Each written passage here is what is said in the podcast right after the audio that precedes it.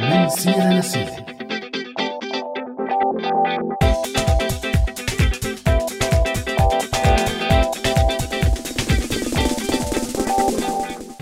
أوقاتكم سعيدة مستمعي راديو سوريالي بهي الحلقة الجديدة من برنامج من سيرة لسيرة. ومني أنا همام كمان ألف تحية بهي الحلقة يلي رح نحكي فيها عن الفن والثورات والحروب يلي عنوانها المبارزة بالفن. لطالما كان الفن عامل من أهم العوامل بكل نواحي حياتنا فهو كان من أول الوثائق التاريخية على وجودنا على سطح هذا الكوكب من خلال الرسومات على جدران الكهوف. واستمر الفن عبر التاريخ بأنه يشكل وثيقة لكثير من الأحداث قبل ما يطلع التصوير وحتى من بعده لتستمر الحركة الفنية بتوثيق الصورة والسينما وببعض الأحيان التلفزيون من خلال أعمال فنية تابعت توثيق حياتنا. بالثورات والحروب والنزاعات كمان كان للفن دور كبير سواء من خلال التحريض على الثورة أو مقاومة العنف أو التعريف بالشيء اللي عم يصير وحفظه للتاريخ. بكتير محطات وأوقات تاريخية ومع تزايد معرفة الأنظمة والشعوب بقوة وقدرة الفن على تحريض المشاعر والطاقة يلي بتطلع منه تحول الفن لسلاح بهي النزاعات. ومع حضور الفنان أو المثقف القوي بمراحل متعددة من التاريخ صار ينطلب منه بشكل مباشر أنه يكون واقف بأحد صفوف هي الصراعات. الأنظمة كلها استفادت من الفنون كأسلحة وبلشت تستعملها بشكل مباشر وكانت الفنون إما محرض مباشر أو ملهم لبعض الزعامات الدكتاتورية أو استخدمت من قبل هي الأنظمة كسلاح خلال حروبها ونزاعاتها. أكيد الدكتاتورية والأنظمة الشمولية بالحرب العالمية الثانية وما بعدها معباية بأمثلة كثيرة عن هذا الموضوع فمن هتلر والموسيقيين يلي أثروا فيه لتعلق موسوليني بالفنون وإطلاق رسائل من خلالها. كل هي الأمثلة حاضرة لليوم بالتاريخ. وأكيد آلة إعلام هتلر مع وزير النازية للإعلام يلي استغل كافة الفنون سواء بالحرب أو مشان يحشد الناس وراء هذا النظام. طبعا ما وقف هذا الشيء عن جماعة المحور يلي تحالفوا مع هتلر بل حتى عند الحلفاء فطلعت أيقونات فنية باقية لليوم عن دول الحلفاء بأكثر من دولة من أبرزها أمريكا والاتحاد السوفيتي. ولليوم ممكن نشوف كثير من هي الأعمال كوثائق على الشيء يلي صار خلال هذا التاريخ. وما ننسى أنه تحقيق المجد بكثير من الأمم مرتبط بالفن. فهتلر سرق لوحات من الكنائس والمتاحف بكل أوروبا ليحقق حلمه بمتحف عالمي بيحمل اسم متحف القائد. وللأسف بس 10% من هي الأعمال رجعت أو انعرف مصيرها بينما البقية لسه مجهول مصير. وأثر الفن والفنانين الكبير خلال حقبات لاحقة من التاريخ أدى لملاحقتهم واعتقالهم بشكل عنيف حتى بديمقراطية مثل أمريكا. يلي من قبل وخلال حرب الباردة مع الاتحاد السوفيتي كان عندها خوف اسمه الخوف الأحمر.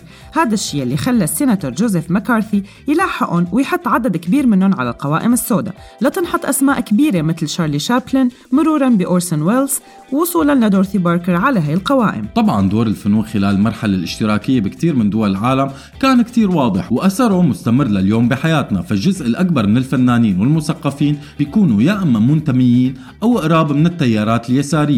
وبكفي نطلع على هوليود اليوم يلي صحيح ما انها يسارية بالمعنى الحقيقي للكلمة بس الحزب الديمقراطي بأمريكا هو الأقرب لليسار. استمر الأثر والأثر المتبادل للفن لما بعد الثورات والحركات الاجتماعية والحروب.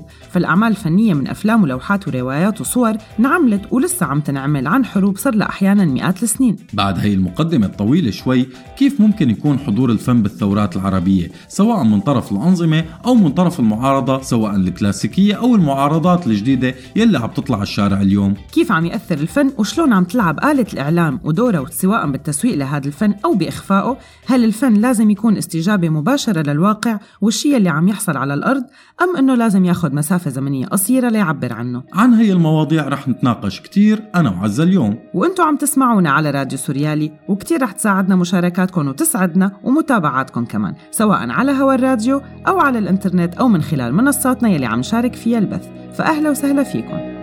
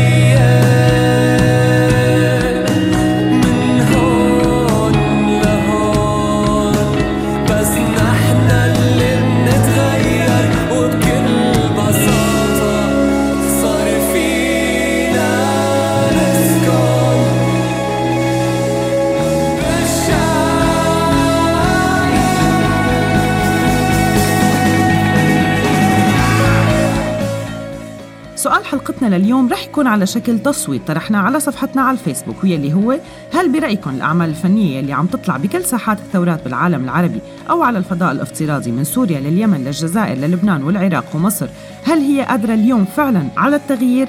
وكانت الخيارات قدام الجمهور أنهم يختاروا بين واحد أكيد قادرة على التغيير. اثنين لا بتقدم ولا بتأخر. ولتقدروا تشاركوا معنا بالتصويت فيكم تتواصلوا معنا على صفحاتنا على مواقع التواصل الاجتماعي فيسبوك وتويتر أو من خلال رسالة صوتية أو مكتوبة على رقم واتساب 00962 7798 51210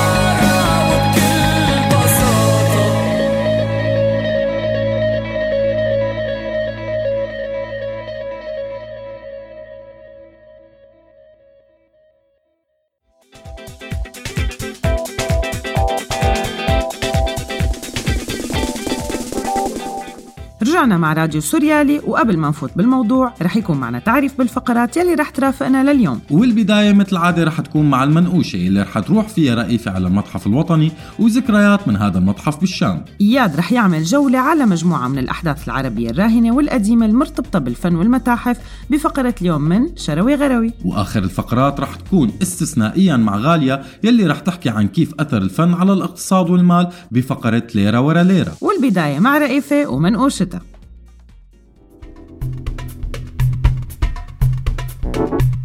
المنقوش معي أنا رئيفة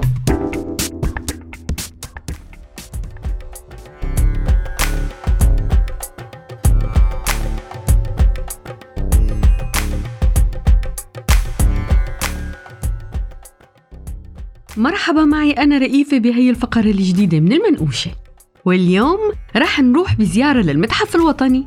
المتحف يلي بحده سور بمساحة بتوصل ل 3200 متر مربع.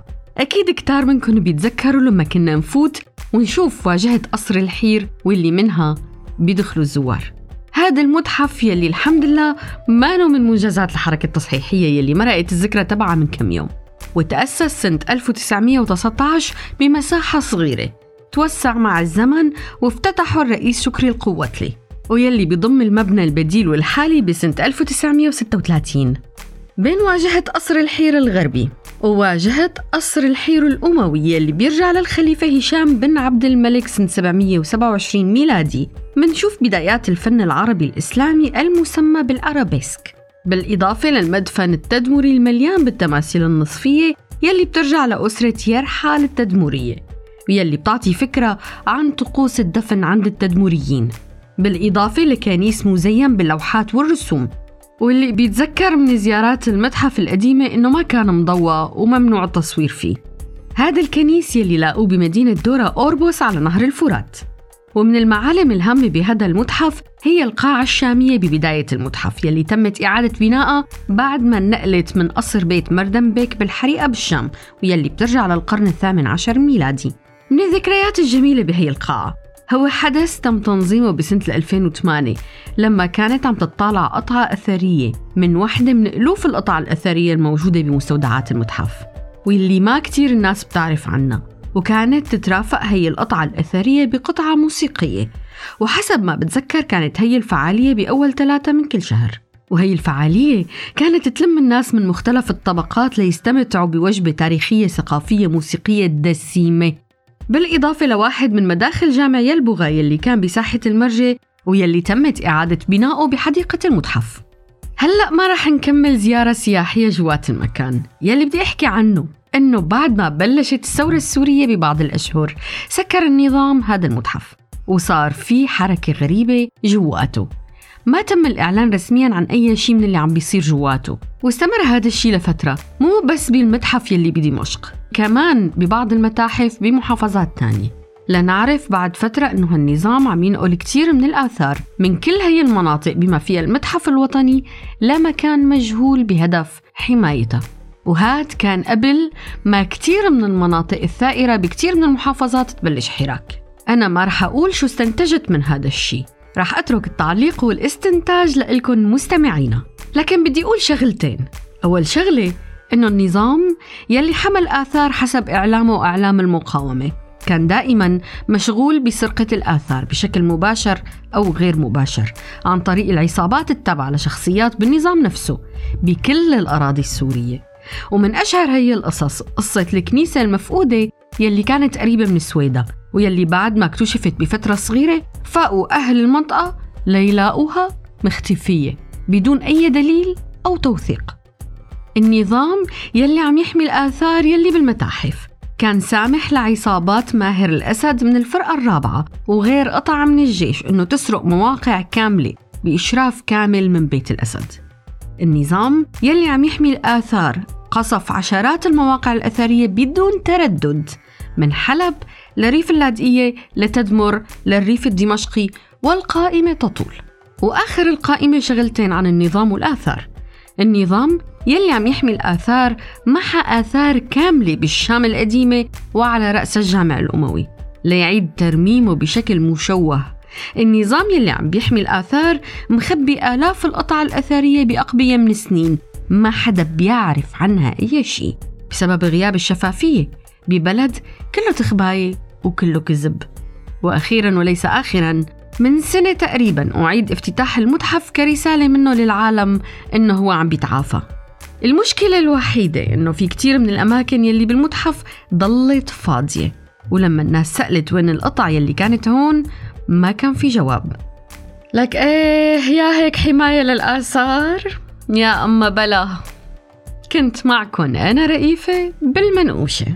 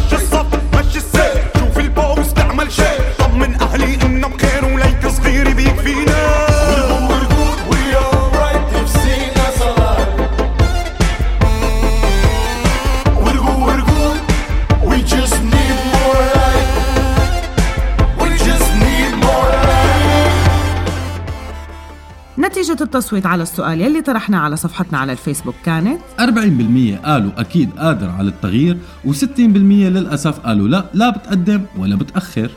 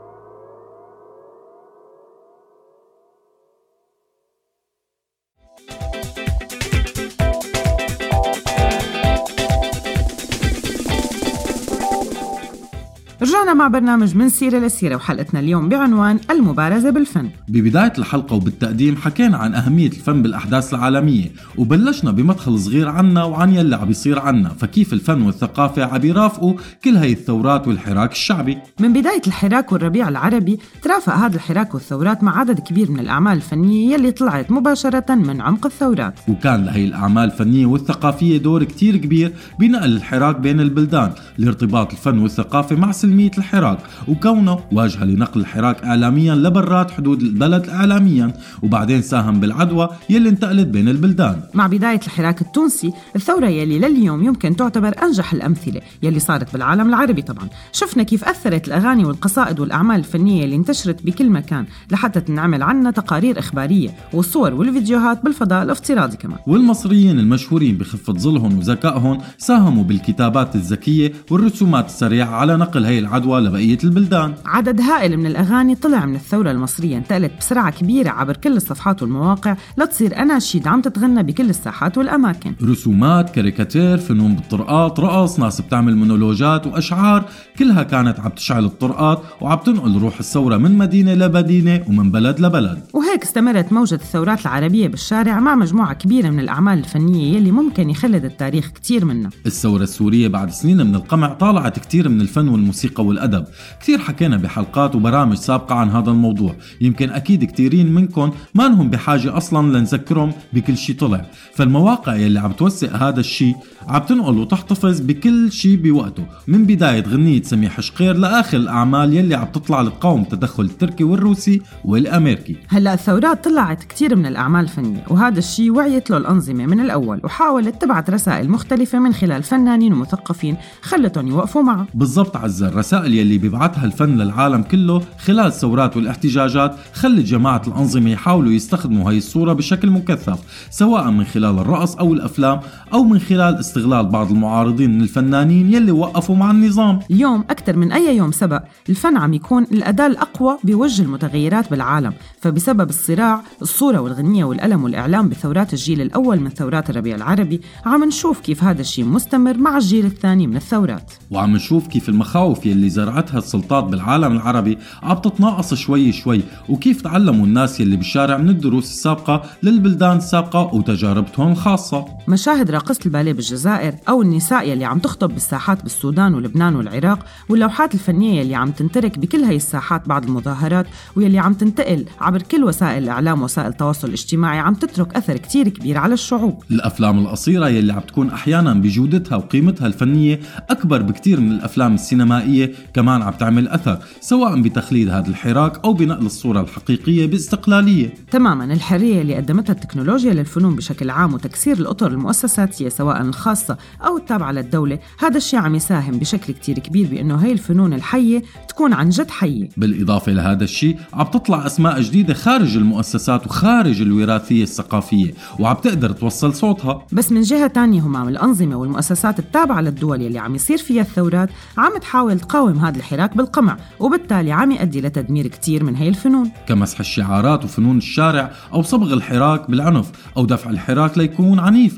وهذا لا يعني أنه الحراك ما بالضرورة يكون عنيف أو أنه العنف هو شيء ما لازم يتمارس. بس القصد أنه الأنظمة عم تحاول دائما تمحي الجانب السلمي من هذا الحراك. وأخيرا عم تحاول تقاوم هذا الحراك من خلال كمان الفن والإعلام. أما كيف؟ فهذا الشيء اللي رح نحكي فيه أكثر بالقسم الثاني من الحلقة. فخليكم معنا. ليرة ورا ليرة. معي أنا كارولين.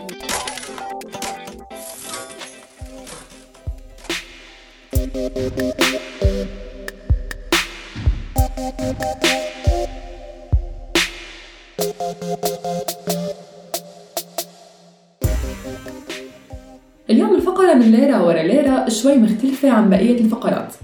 رح نضل عم نحكي بعالم الاقتصاد بس بهاي المرة رح نحكي عن الفن وأثره على الاقتصاد بالحرب العالمية الثانية. ذكروا همام وعزة إنه بعد الحرب العالمية الثانية بس 10% من المسروقات يلي سرقها النازيين رجعت وهي على الرغم من صغرها إلا أنها ثروة هائلة. وكان لهي الحرب أثر كبير مو بس على الفن لا بل أثر الموضوع حتى على عالم الاقتصاد والمال. فمع بداية الحرب العالمية الثانية صدر قانون مدني سويسري ويلي بيقول بسرية الحسابات المصرفية للعملاء. كتير من الناس بيقولوا إنه الهدف الحقيقي هو حماية ثروات الهربانين من الحكم النازي بألمانيا أو الحكم الفاشي بإيطاليا. فمع سرقات الأعمال الفنية والآثار الكبيرة يلي صارت بأوروبا من الكنائس والمتاحف تركت فجوة كبيرة. هاي الأعمال اللي كانت تتخبى بالكهوف والجبال كان ممكن تختفي تماما على الوجود لأنه هتلر كان آمر بتدمير كل هاي الأعمال مع شعوره بالهزيمة. بس بعض الأشخاص حالوا دون تنفيذ هذا الشيء. هي السرقات والتدمير الممنهج للأعمال الفنية خلت كتير من العائلات الأوروبية وبالأخص الإيطالية تخبي مصاريها ومقتنياتها من اللوحات بمصارف بسويسرا. وكتير من العيال اليهودية فتحت حسابات بأسماء رفقات لإلهم بسويسرا. تخوفا من الشي يلي ممكن يصير. ونفس الشي صار مع الضباط النازيين يلي بكتير من اللوحات لحالهم. بعد ما خلصت الحرب بقيت كتير من الأرصدة مسكرة. هذا الشي كان يا أما بسبب قتل هاي العائلات بعد اعتقالهم من المعسكرات النازية أو بسبب هجرتهم أو وفاتهم قبل ما يعرفوا الورثة بالحسابات السرية. واستمرت القصة هيك حتى سنة 1998 مع انعقاد مؤتمر واشنطن مشان تنظيم تبع كل هاي الأعمال الفنية المفقودة يلي صادرها النازيين. لتكون أول مبادرة مشان ترجع هاي اللوحات المسروقة. هاي الاتفاقية يلي وقعت عليها 43 دولة.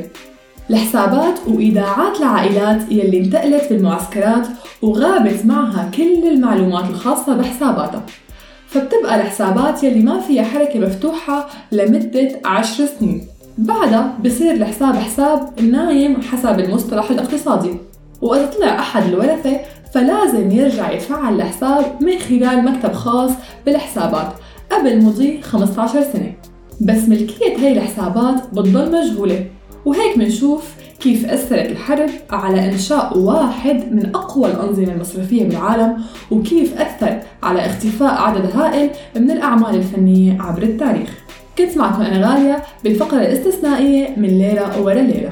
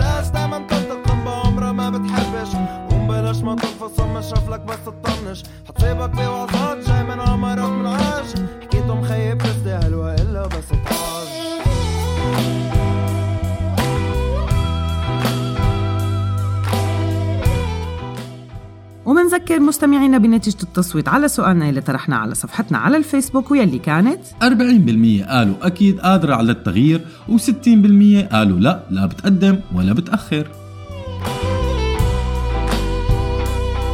بقى جاي يحكيني يا ابن الكلب عن كل قضايا العالم يا رح تتصفف بجنبه يا اما انك ظالم بقى تتعلم تتفادى أحاديث بعمرها بتوديش. لا رح تنقذ أهلك ولا رح بتغير عالم. شان الناس دايما تنتقم بعمرها ما بتحبش. قوم بلاش ما تنقص ومشرف لك بس تطنش حتصيبك بوعظات جاي من عمرك من عاج حكيتهم خيب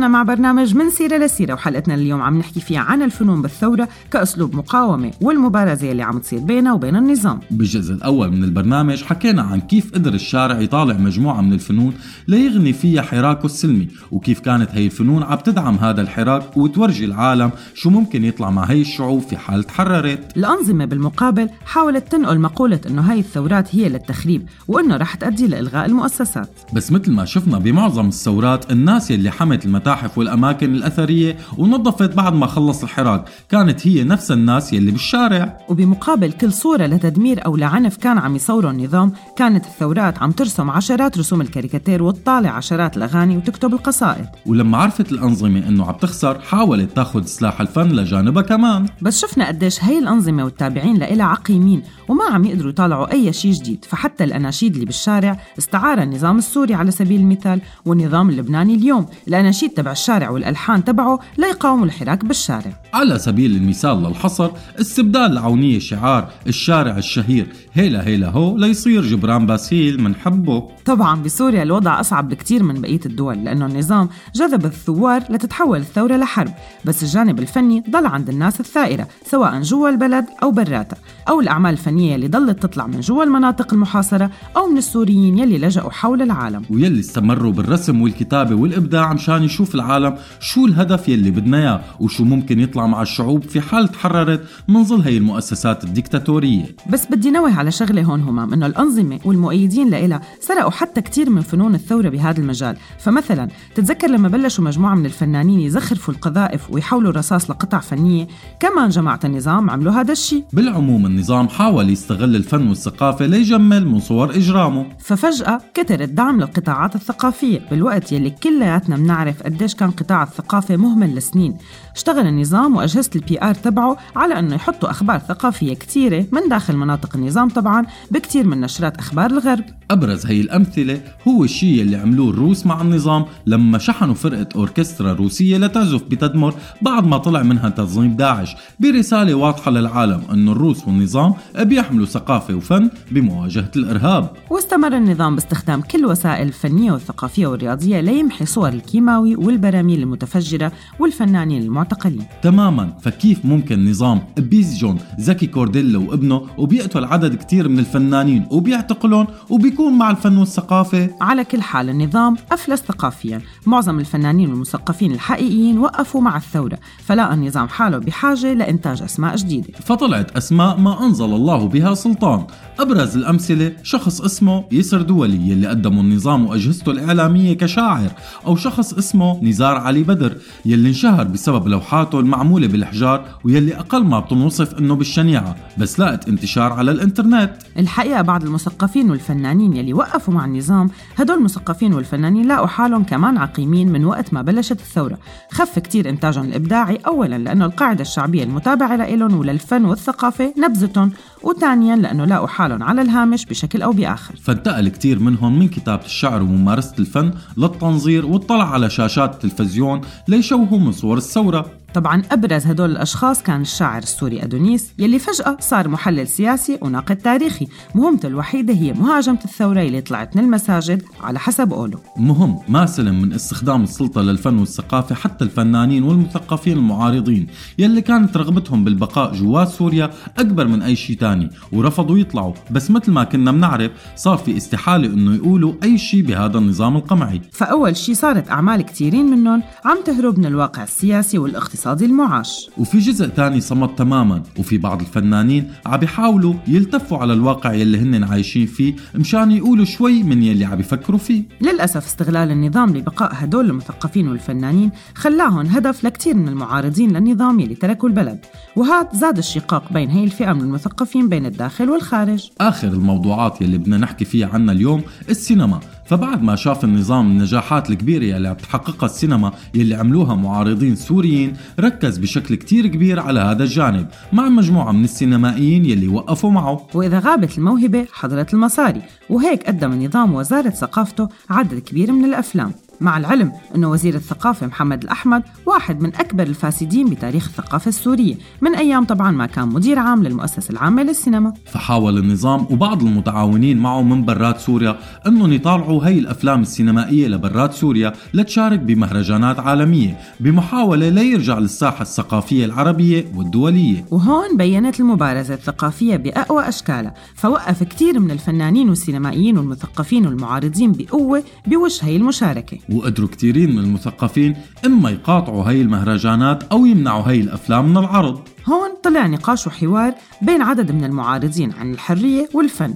فهل من الواجب أنه نمنع هاي الفنون تبع النظام من أنه تطلع للنور؟ أم أنه دفاعنا عن القيم الحرية والمساواة لازم تخلينا نسمح لهي الأفلام بأنه تطلع ليختلط الفني بالسياسي؟ مثل ما اختلط من قبل السياسي مع الرياضي بقضية رجعة عدد من اللاعبين لكرة القدم المعارضين للمنتخب السوري. فهل بيتساوى إنتاج ثقافي فني بموله نظام بيقمع شعبه وبيزت عليهم الكيماوي وبراميل متفجرة مع إنتاج الناس اللي عم تحاول تصرخ لتنقل صوتها. وانتقل النقاش كمان اليوم عن استخدام مخرجين للمدن اللي دمرها النظام كمواقع تصوير للتسويق للنظام وأن لم يكن بشكل مباشر. وأنت عزيزي المستمع شو رأيك بالموضوع يا ترى؟ طبعا مستمعينا فيكم تشاركونا آرائكم على مواقع التواصل الاجتماعي وخاصة بتعليقاتكم على ال SoundCloud أو برسائل على وسائل التواصل الاجتماعي الثانية نحن خلصنا لهون هذا الجزء من هي الحلقة ورح نتابع نفس الموضوع بشكل موسع أكثر الحلقة الجاية من برنامج من سيرة لسيرة. بس هلأ صار لازم نروح لعند إياد بشروي غروي. فشو مخبينا إياد بهي الحلقة؟ خلونا نسمع مع بعض.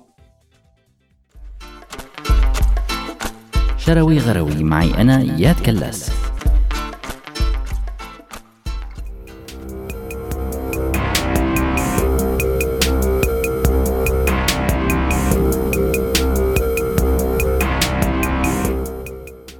مرحبا. في تجارب بالحياة منلاقيها مرتبطة بالسياسة والآثار والدين بنفس الوقت. من هالتجارب اخترنا لكم أنا وعمر ثلاث تجارب لنحكي لكم عنها اليوم. التجربة الأولى هي الآثار الفرعونية ودخول الإسلام. اليوم كثير عم ينطرح هذا السؤال. فبمجرد كتابة بداية السؤال عن الآثار المصرية محرك البحث جوجل بالمناطق العربية رح يكمل. وهذا الشيء بسبب أهمية السؤال عند الكثيرين خصوصي فيما يتعلق بهدم الآثار لأسباب دينية مرتبطة بمنع الأصنام. وبتنقسم الآراء حول الوقوف ضد الهدم بدليل مرور المسلمين الأوائل دون هدمها والطرف الثاني اللي بيقول لازم ينهدموا هلأ باعتبار أنه عملية الهدم ما صارت سابقا لأنه كان ممكن تاخذ وقت كتير وما كان عند المسلمين وقت ليعملوا هذا الشيء. والتبرير الثاني هو أنه هي الأعمال الفنية بما فيها الأهرامات وتمثال أبو الهول كانت مطمورة بالكامل تحت الرمل وأنه لو كانوا شايفيها الفاتحين كان لازما بل واجب عليهم أنه يدمروها. بس الفاتحين المسلمين ما شافوها بوقتها. الحقيقة هذا الشيء مخالف لكثير من النصوص التاريخية يلي بتأكد وجود على الأقل جزء كبير من هي الصروح التاريخية مع دخول المسلمين. بس ببساطة ما كان تدمير التماثيل من الأولويات السياسية والعسكرية للمسلمين بهديك الفترة. والضرورة يلي خلت الإسلام يهدم التماثيل بمكة ما عادت ضرورة مع التوسع وانتشار الإسلام كمفهوم ووحدانية الإله. والدليل على هذا الشيء إنه في كثير من المناطق اللي دخلها الإسلام وكان فيها أعمال فنية ونحتية ما دمروها بما فيها كثير من المناطق بشمال إفريقيا وسوريا وحتى أوروبا. القصة الثانية اللي رح أحكيها كمان عن الآثار بمصر وبالتحديد عن سرقة هي الآثار. هاي السرقة كانت تتم تحت غطاء سياسي ومثال عليها قصة مشهورة على موقع رصيف ويلي بتحكي عن برناردينو دورفيني ممثل فرنسا بمصر ويلي كان موضع ثقة عند محمد علي باشا يلي عطاه وضعية خاصة بالتنقيب عن الآثار المصرية والتجارة فيها. دورفيني إيطالي الأصل وكان عنده كمان الجنسية الفرنسية وشارك بحملة نابليون واشتغل قنصل لفرنسا بمصر خلال فترتين بسبب علاقته القريبة من والي مصر. استغل دورفيني علاقته مع محمد علي ليعمل ثروة هائلة من تجارة الآثار. فحصل على فرمانات للتنقيب شملت مساحات كبيرة مع عدد كبير من العمال وحصل على استثناءات ليشغلهم بالسخرة. دورفيني خلال فترة وجوده جمع حوالي خمسة آلاف قطعة من المجوهرات والتماثيل وخمسين بردية من لوحات جنائزية وخمسين جعران ويلي هي الحجرة المصرية اللي تشبه الخنفساء ويلي منلاقيها كتير بالتاريخ المصري وبالأدب وبرواية أمين معلوف رحلة بالدزار نهاية. كل هاي القطع اشتراها الفرنسيين بمبلغ 250 ألف فرنك فرنسي وانعرضت كلها بمتحف اللوفر. وبحسب يلي نقله موقع رصيف عن يوسف خليفة المدير السابق لإدارة المضبوطات الأثرية بوزارة الآثار المصرية إنه الآثار ما كان لها كتير أهمية عند والي مصر بهداك الوقت وبالتالي ما كان يمانع من أنه القناصل يحصلوا عليها مقابل مساعدتهم بتنفيذ الإصلاحات الاقتصادية يلي كان بده إياها من الدول الأوروبية وبالأخص فرنسا. بناء عليه جمع دورفيني كمان مجموعة كبيرة من البردة المصرية وعرضها على فرنسا فرفضت شرائها فعرضها كمان على ملك سردينيا واللي هي جزيرة إيطالية واشتراها ب 400 ألف ليرة إيطالية لتصير بمتحف تورينو. المضحك بالموضوع أنه رجال الدين الكاثوليك بفرنسا كانوا هن السبب وراء الرفض لشراء هاي المجموعة والسبب كان أنه هي الآثار بتثبت أنه مصر كانت موجودة قبل عام 4004 قبل الميلاد ويلي هي السنة يلي المفترض حسب الديانات السماوية هي الفترة التقريبية لبدء الخليقة. أما القصة الثالثة والأخيرة اليوم فهي من تدمر السورية وتنظيم داعش يلي قتل خالد الأسعد مدير الآثار بهي المدينة. بعد ما قضى أكثر من 50 سنة مع الآثار وحمايتها داعش قتلت الدكتور الأسعد بال 2015 بعد ما دمرت بعض القطع الأثرية ووزعتها على الإعلام عبر آلتها الإعلامية لتسوق أنه عم تتبع قوانين الإسلام بتدمير الأصنام. وكانت هي الجرائم اللي عملتها داعش واضح أنها كانت بس لهدف إعلامي مو أكتر. لأنه بعد هيك تم توثيق عشرات بل مئات عمليات البيع يلي قامت فيها داعش لعدد كبير من المشترين للآثار حول العالم. هيك منكون خلصنا قصصنا اليوم. كنت معكم أنا إياد لأحكي لكم ثلاث قصص شروي غروي من عشرات القصص يلي بتورجينا تداخل موضوع الآثار بالمواضيع التانية الاجتماعية والسياسية والدينية. كونوا بخير.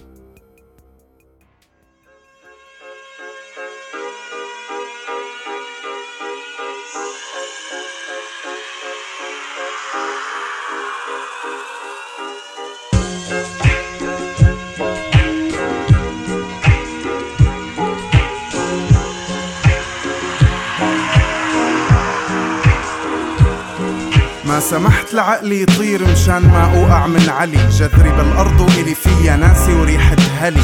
ينقصني الصبر. بالحب امتلي وما صلبوه وما قتلوه ولكن شبه لي. أنا اللي غير التاريخ بعقله ليناسب حكايته ضرب أخماس بأسداس ولقى العطل بمرايته. فكر إنه طلع عن النص رتل آيته. التقى بخامس ممثل عن نفسه قدامه بقصه بايته هل تحبين الرمادي؟ فهمت سؤاله بطلت محايدة. هلا هلا مفترق طرق قالت له حل عن رب الشعرية الزايدة. الله السرطان بالمعدة قالت له بنستأصل الزايدة. هو أنا اللي طلعت ولا أنت اللي فايته ايروس وسايته يحيى الصنباطي وليسقط هايدن ما في جواب للسؤال المطروح ببالي فبدور على الأصل. ابري بقصطبل دقينا الأبواب نسأل عن أم العقل. قال ما عاد تعيش عنا بس أم القلق هون. من ثلاث ساعات فتحت حديث على البلكون. هلا بتخلص. عود استنى. مريم تاني مريم تاني. ضجيج برا صمت وجستان مريم تاني مريم تاني. ضجيج برا جيبتي صمت وجزدان شي خالد. إذا مفكر تضل ثابت أنت بعالم متحرك سارد. جغرافية عالم شارد. مرات بتفي بتلاقي حالك بطل وهمي خارق. واقف على نواصي حلمك بتقاتل كرمال شي رايح لهيك بالأخير أنت الوحيد اللي خسران. قررت أكون مكنة متمردم. جهاز تحكم خربان. مرات بتغرك البطولة. بتحاول تكون واحد من الشجعان. مرات بتضل على الهامش عشانك جوعان. كوابيس بقلب المنام. كوابيس مش أحلام. أفلام هندية بأوهام. بتغريك تضل غرقان جوا عالم مثالي أو بالآخر عالم خيالي. وقع بعيد عن واقع كيميخ سوريالي نطق جربان. الدنيا برا بالمرة مش أحسن بكتير. أنت بدنيا بتهتك عرضك كل يوم كرمال تضل فقير بس. حرام إذا ما بتصير غباء إذا ما بتصير. الثبات مش حل نكون مزبزب ممكن تطير. مريم تاني مريم تاني. ضجيج برا جيت صمت وجزدان مريم تاني. مريم تاني ضجيج برا جيبتي صمت وجزدان ليه هالقد شاطرين بالحكي؟ كتير بتنقي. شو مكفين ببلع الخرا؟ منتفة بلا مؤاخذة من مجتمع مركب على خود وقاطي محسبين كل أبيض خلاصنا بيجي بصور وبسرقوا بمشي لا مش هاللون قصدي. منيك من هون مفكي لا قلب بضل ينقلب الإيجو باللون مطفي. زيح غاد صباح بالحمراء حيط يا حيط.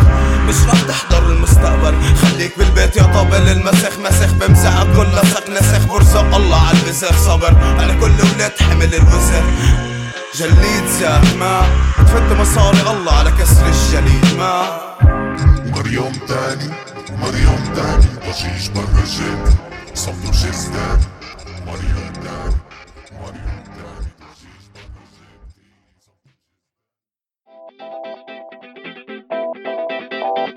من سيرة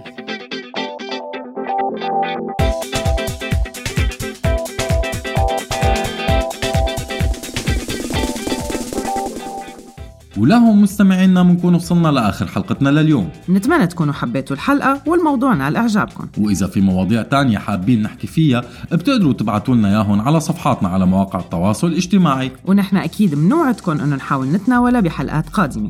بس هلأ صار لازم نودعكم ونشكر كل مين كان عم يسمعنا أو شارك معنا. شكرا كتير لكم مستمعينا وشكر لكل فريق الحلقة من إعداد وإخراج والبث وفريق التواصل الاجتماعي. سلام.